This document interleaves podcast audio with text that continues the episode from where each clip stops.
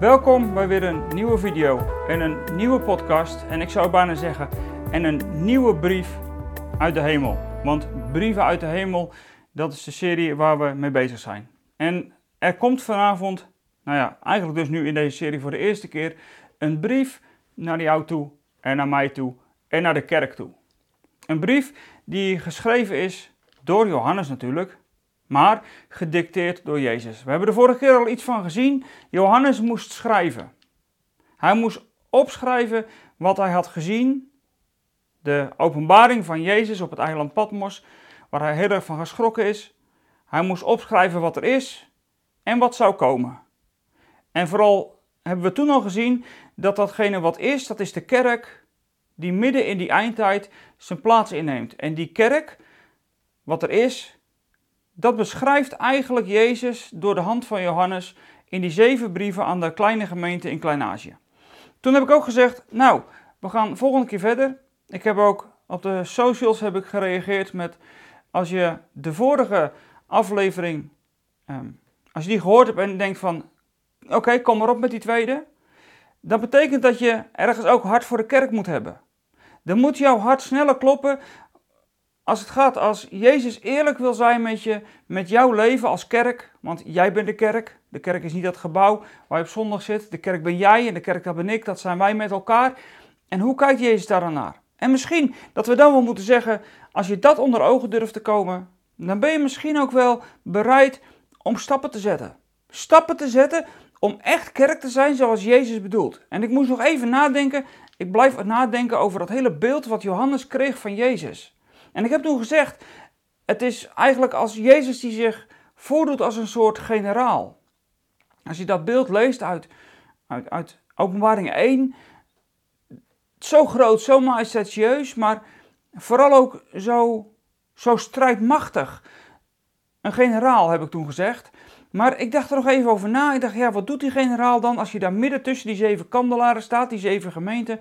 Nou, ik denk dat je ook dit mag zeggen, en misschien moeten we er zomaar eens naar blijven kijken. Jezus, die monstert zijn troepen. Hij kijkt hoe zijn leger ervoor staat, want de kerk is uiteindelijk het leger van Jezus. En hij kijkt hoe het er met zijn leger voor staat, zo op het moment dat die kerk, dat leger van Jezus, de eindtijd ingaat. En wij gaan de eindtijd in. Daar zijn we wel middenin natuurlijk. Ik weet niet hoe ver dat we zijn. Misschien dat we er ooit nog iets meer duidelijkheid over krijgen als we nog verder gaan met het boek Openbaringen. Maar hoe dan ook, Jezus kijkt hoe zijn leger, hoe zijn kerk er aan toe is. Om uiteindelijk staande te kunnen blijven in die eindtijd als een soldaat, als een leger. Nou, het is goed om er zo gewoon eens even ook over na te denken dat Jezus zo kijkt en dan schrijft hij door de hand van Johannes die zeven brieven. En dan is de eerste brief de brief aan de gemeente in Efeze. Een gemeente die we wel kennen uit de brief van Johannes. Een van de eerste gemeenten ook, die gesticht zijn door, uh, ik zeg wel de brief van Johannes, ik bedoel ook de brieven van Paulus. Uh, een van de eerste gemeentes die gesticht is door de apostel Paulus. En waar ook brief aan geschreven, waar een brief aan geschreven is. Dat is de eerste brief die voor ons ligt. Maar ik wil eigenlijk, voordat ik verder ga en met je die brief gaat lezen, wil ik je even gewoon een vraag stellen. En niet te snel denken, Theo, alsjeblieft, doe even normaal nu. Nee, ik stel je die vraag even met een doel. Ik weet niet, heb jij misschien naar Max Verstappen gekeken toen hij op Zandvoort zijn rondjes reed in de Formule 1? En nu zeg je misschien, nou Theo, heb je nou niks beters te zeggen? Ja, ik heb nog wel wat beters te zeggen, maar ik wil je gewoon even vragen of je die beelden hebt gezien. Of je gekeken hebt, misschien was je er zelfs al bij. Ik weet het niet. Maar heb je die beelden gezien van Max Verstappen? En dan uiteindelijk heeft hij volgens mij 72 rondjes daar gereden. En hij komt als eerste over de finish. En dan ontploft die hele tribune. Die kleurt helemaal oranje. Die was al oranje qua kleding, maar dan komt er een soort eh, rookbom, weet ik wat ze afgestoken hebben. Het wordt één groot feest voor Max Verstappen. Ik wil dat je dat beeld even vasthoudt. Nou, ik heb even genoeg gezegd. Ik ga nu vanuit dit misschien voor sommigen verschrikkelijk wereldse beeld gewoon even Bijbel lezen.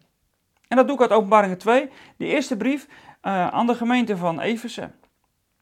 En die begint natuurlijk lastig. Elk van die brieven trouwens begint lastig, want dan staat er schrijf aan de engel van de gemeente van Efeze.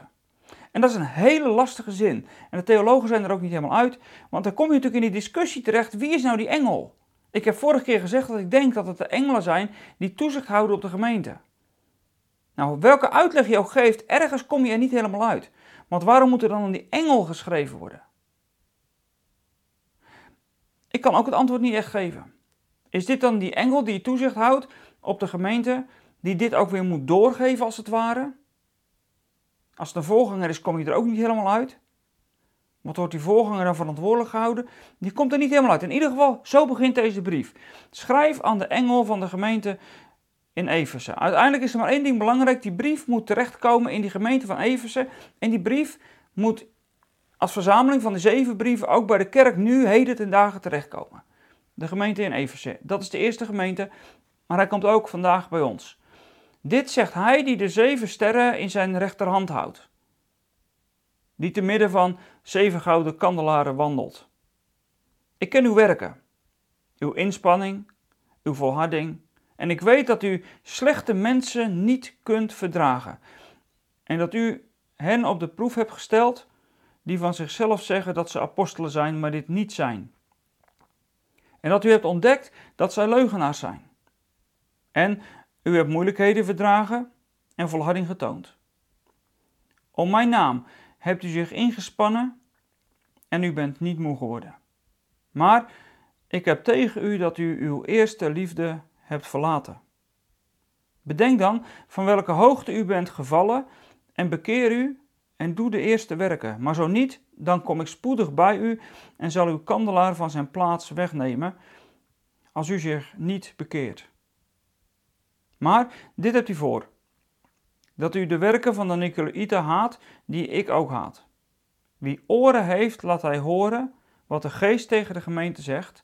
Wie overwint, hem zal ik te eten geven van de boom van het leven, die midden in het paradijs van God staat. Het is duidelijk dat deze brief misschien wel een hele scherpe toon heeft. En misschien ook wel naar jou en naar mij. Daar kom ik zo wel even op terug, op die scherpe toon. Maar ik wil eigenlijk even uitkomen waar de brief uitkomt. Want het is blijkbaar niet zo dat Jezus erop uit is en ervan uitgaat dat er niks van het werk in de gemeente terecht gaat komen. Jezus zegt het alles wel, maar Jezus maakt duidelijk dat er, dat er wel een overwinning kan zijn. Want elk van die brieven sluit af met een overwinning. En deze, deze sluit af met de overwinning waarvan Jezus zegt, die overwint, die. Die zal eten van de boom van het leven die in het midden van het paradijs staat. Dus uiteindelijk, als je gaat horen en doen wat Jezus vraagt en wat Jezus van je verwacht als kerk, als gelovige, als je dat doet, dan ligt er ook een overwinningskroon klaar. En die overwinning is dat je zult eten van de boom van het leven. Dat is die boom die in het paradijs na de zondeval direct beschermd werd. Want als God dat niet had gedaan en Adam en Eva die hadden van de boom van het leven gegeten, dan hadden ze eeuwig leven gehad. En als dat zo was geweest, dan was het een eeuwig leven geweest in gebrokenheid.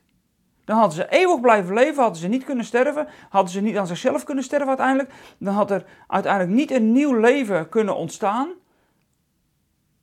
En daarom heeft God direct die boom van het leven beschermd. Wij denken vaak dat hij die boom beschermde omdat hij hen dat niet gunde. Maar God wilde vooral niet dat Adam en Eva zouden leven tot in alle eeuwigheid in gebrokenheid. Als wij straks opstaan, dan staan wij op met een nieuw lichaam. De dood heeft uiteindelijk ervoor gezorgd, niet zo bedoeld, maar het zorgt er wel voor, dat we straks met een nieuw lichaam kunnen opstaan. Maar als Adam en Eva van die boom hadden gegeten, die eeuwig leven had gegeven, terwijl dat de wereld gebroken was en hun leven gebroken was en de relatie gebroken was, dan hadden ze eeuwig in de puinhoop geleefd en wij erbij. God heeft die boom beschermd, maar hij heeft hem tegelijkertijd ook bewaard voor de dag dat wij straks in het eeuwige paradijs komen. En daar zullen we dan eten van die boom en daardoor ontvang je dus eeuwig leven. Dus uiteindelijk loopt deze hele brief uit op één ding. Op eeuwig leven met God voor degene die overwinnen. En tegelijkertijd zegt Jezus om die woorden van die boom van het leven heen, en dat zegt hij ook bij elke brief, Er is bij elke brief een overwinning, maar die overwinning gaat iedere keer vooraf aan dezelfde woorden. Wie oren heeft, laat hij horen wat de geest tegen de gemeente zegt. Met andere woorden, doe je oren open, maar luister ook wat God tegen je wil zeggen. Dus luister ook wat God in deze brieven tot jou, tot mij, tot ons allemaal als kerk ook wil zeggen. Neem het serieus. Want God wil je die overwinning geven. Dus neem die woorden serieus en als je die woorden serieus neemt en daar werk van maakt, dan ontvang je die overwinning. Alleen dan zitten wij al heel snel in een model van, ja, maar dat overwinnen en dat horen en doen, dat heeft alles te maken met dat we het verdienen. Maar dat heeft niks met verdienen te maken, maar het heeft gewoon met gehoorzamen te maken. Het heeft puur te maken met gehoorzaamheid.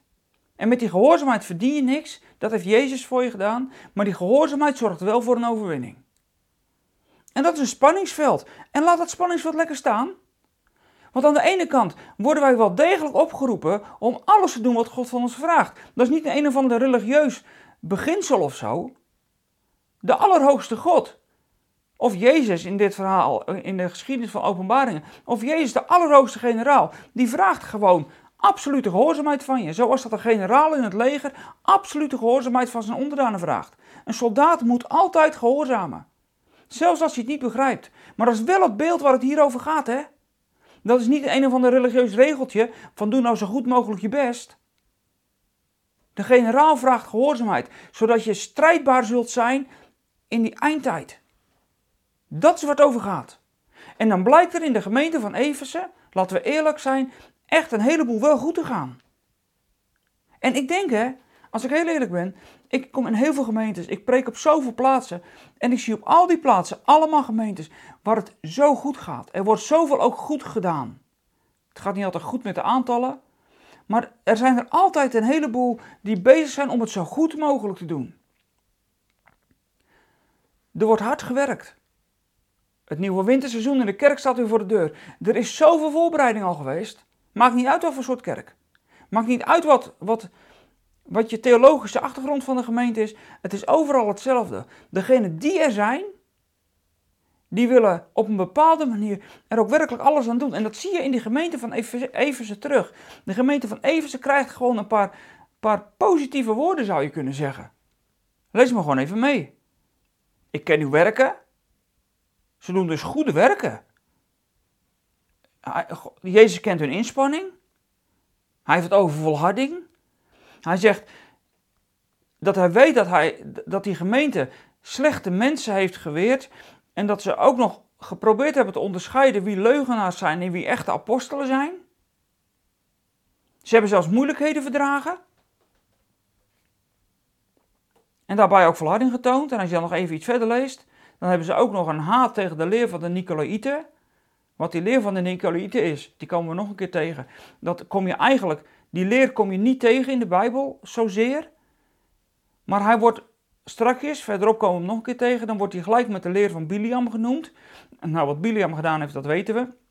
Toen Balak uiteindelijk zijn zin niet kreeg en Balak boos was, toen heeft Biliam gezegd, uh, leer Israël de afgoden te dienen en zorg, doe dat door te zorgen dat ze, dat ze met jouw vrouwen, met de vrouwen van het, het uh, van Balak trouwen, de, de vrouwen van het volk van Balak, dat ze daarmee zouden trouwen.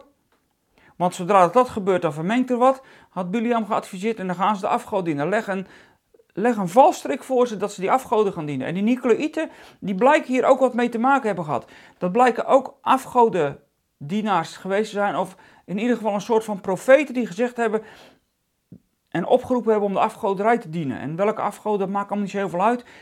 Het gaat vooral over het dienen van afgoden. En dat hebben jullie gehad. En weet je, dit lijkt toch wel een beetje op de kerk, weet je. Maar we doen toch ons best, er is toch volharding? Of niet dan? We willen toch heel graag? We zouden toch heel graag willen dat de kerk niet verdwijnt en dat de kerk zou groeien? We zijn de moed wel eens kwijtgeraakt, maar toch. En afgoderij? Als je een beetje bijbelgetrouw christen bent, dan ben je toch hartstikke scherp op. Geen afgoderij in de kerk. Nou ja, of het helemaal gelukt is. Ik weet niet wat wij voor afgoden in de kerk. Maar hier in Efeze niet, hè. Efeze heeft niets, heeft hij aan die verafgoding niet meegedaan. Alleen er staat één dingetje tussen. En dat is nou juist waar het in de kerk zo vaak om gaat. Jezus heeft één ding tegen hen. En weet je wat hij tegen hen heeft? Dat ze hun eerste liefde hebben verlaten. Ik kom even terug bij het beeld van Max Verstappen.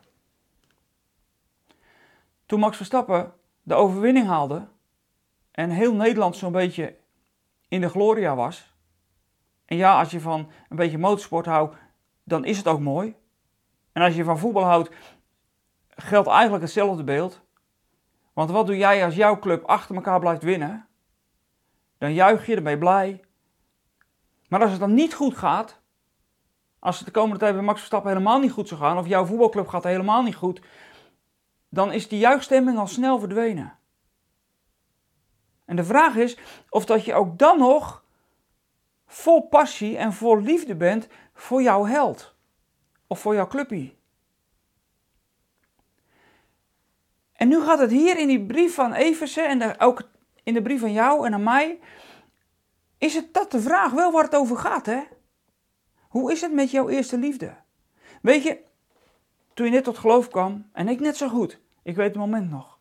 Ik weet hoe, die, ik, weet hoe ik naar huis ben gereden.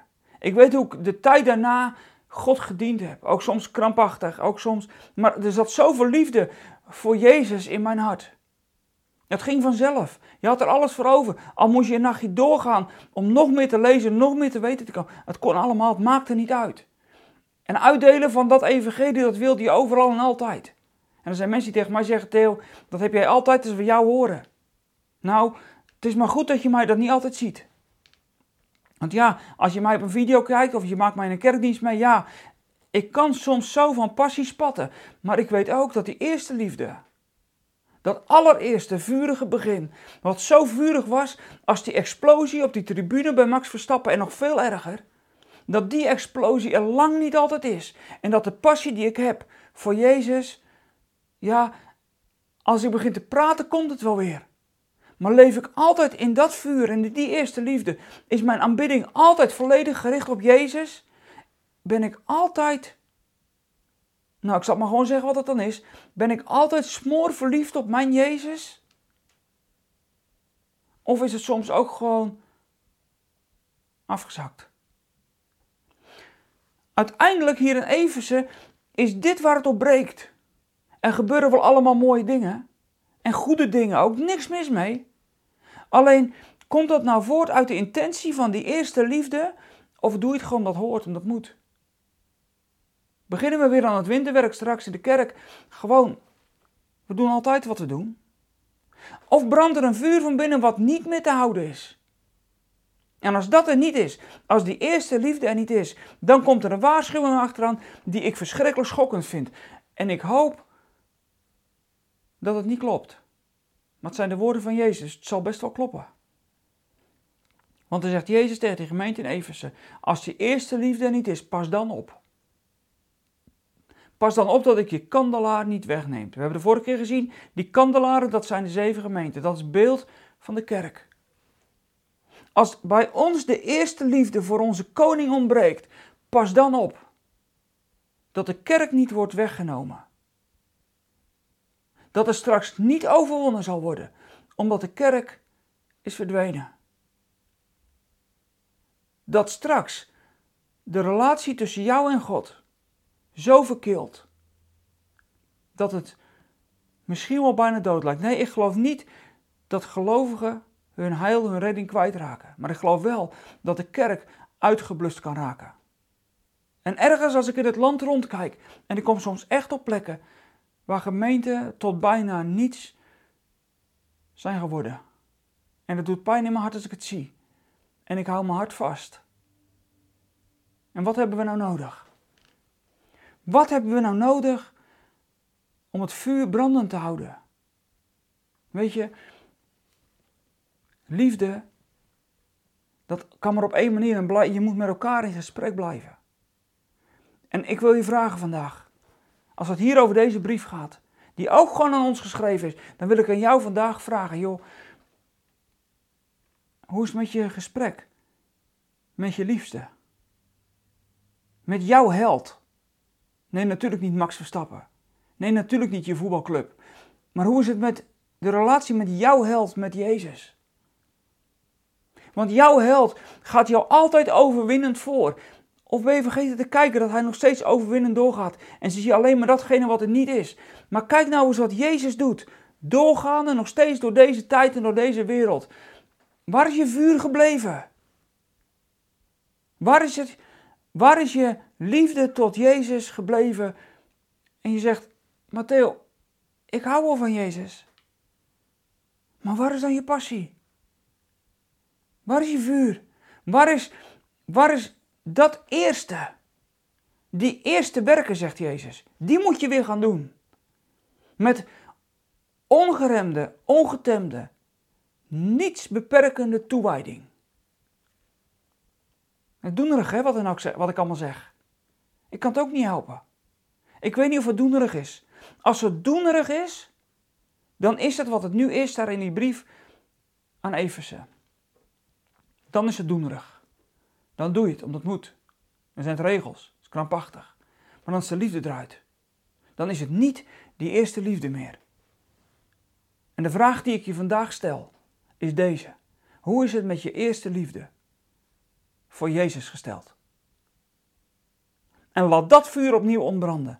Ga terug naar je eerste liefde, waar dat ontstoken is. En ga daar eens kijken wat daar leeft in je hart. En ga dan maar praten met je bruidegom. Ga dan maar praten met je liefste. Ga dan maar praten met je held. En vertel het hem. Maar laat het vuur en laat de passie en laat je toewijding, laat dat op de allerhoogste plaats en in het centrum van je leven staan. Begin er gewoon weer aan. Om dat vuur weer aan te wakkeren. En zo niet, zegt Jezus, dan neem ik straks die kandelaar weg. Dat is niet wat we willen. En ja, deze brief is scherp. En toch ook niet. Want het is Jezus' grote verlangen dat jij toegerust in die eindtijd zult staan. Het is Jezus' grote verlangen dat hij straks, als die eindtijd er helemaal op zit, over jouw leven. Dat hij jou die boom van het leven geeft en zegt, eet maar. En dan mag je eeuwig leven met hem. En nu vraagt Jezus alleen maar om toewijding. Vuur voor Hem. Vuur om Hem in deze wereld present te stellen. Dat is een mooi woord wat we tegenwoordig wel eens gebruiken. We stellen Jezus present en niet zomaar, maar, we, we kondigen Hem aan. We, we prijzen Hem aan met alles wat in ons is. Geef Hem de ruimte weer dat Hij in jouw leven jouw vuur brandend zal houden, dat is voor deze keer waar het over gaat. En ik had je gezegd dat dit niet de makkelijkste serie zou worden. Ook niet omdat hij gewoon scherp kan zijn. En het is niet om de scherpte bedoeld, maar het is bedoeld om de kerk toegerust te laten staan. In de strijd van het eind van de tijd. Daar zitten we middenin. En alleen als je je liefde op Jezus, als je die blijft voeden, ja, dan kun je overeind blijven. Dankjewel voor het kijken, luisteren. Dankjewel voor het meedoen. En ik gun je een gezegende week vol liefde voor Jezus. Kijk hem eens in zijn ogen. Kijk eens wat er gebeurde toen jij hem voor het eerst ontmoette. Ga dan maar eens terug. Dat wens ik je toe voor komende week. Bedankt voor het luisteren, bedankt voor het kijken. En ik zou zeggen tot volgende week. En als je deze boodschap waardeert en fijn vindt om te horen, nou misschien is het niet zo heel fijn deze keer. Ik weet het niet. Geef een blauw duimpje, dat vinden we altijd fijn. Deel ook deze boodschap alsjeblieft, want ik geloof dat dit een boodschap is voor de kerk in Nederland, voor de kerk in deze wereld, maar vooral ook in de kerk in Nederland. Dat er weer een vurige kerk zal zijn, vol passie, vol toewijding, voor onze koning, voor onze generaal, voor onze held, voor Jezus. Dankjewel voor nu. En als je ons financieel wil steunen, oh ja, dat zeg ik er altijd nog bij. Als je ons financieel wil steunen, dat stellen wij natuurlijk op prijs. Dankjewel voor nu en tot volgende week.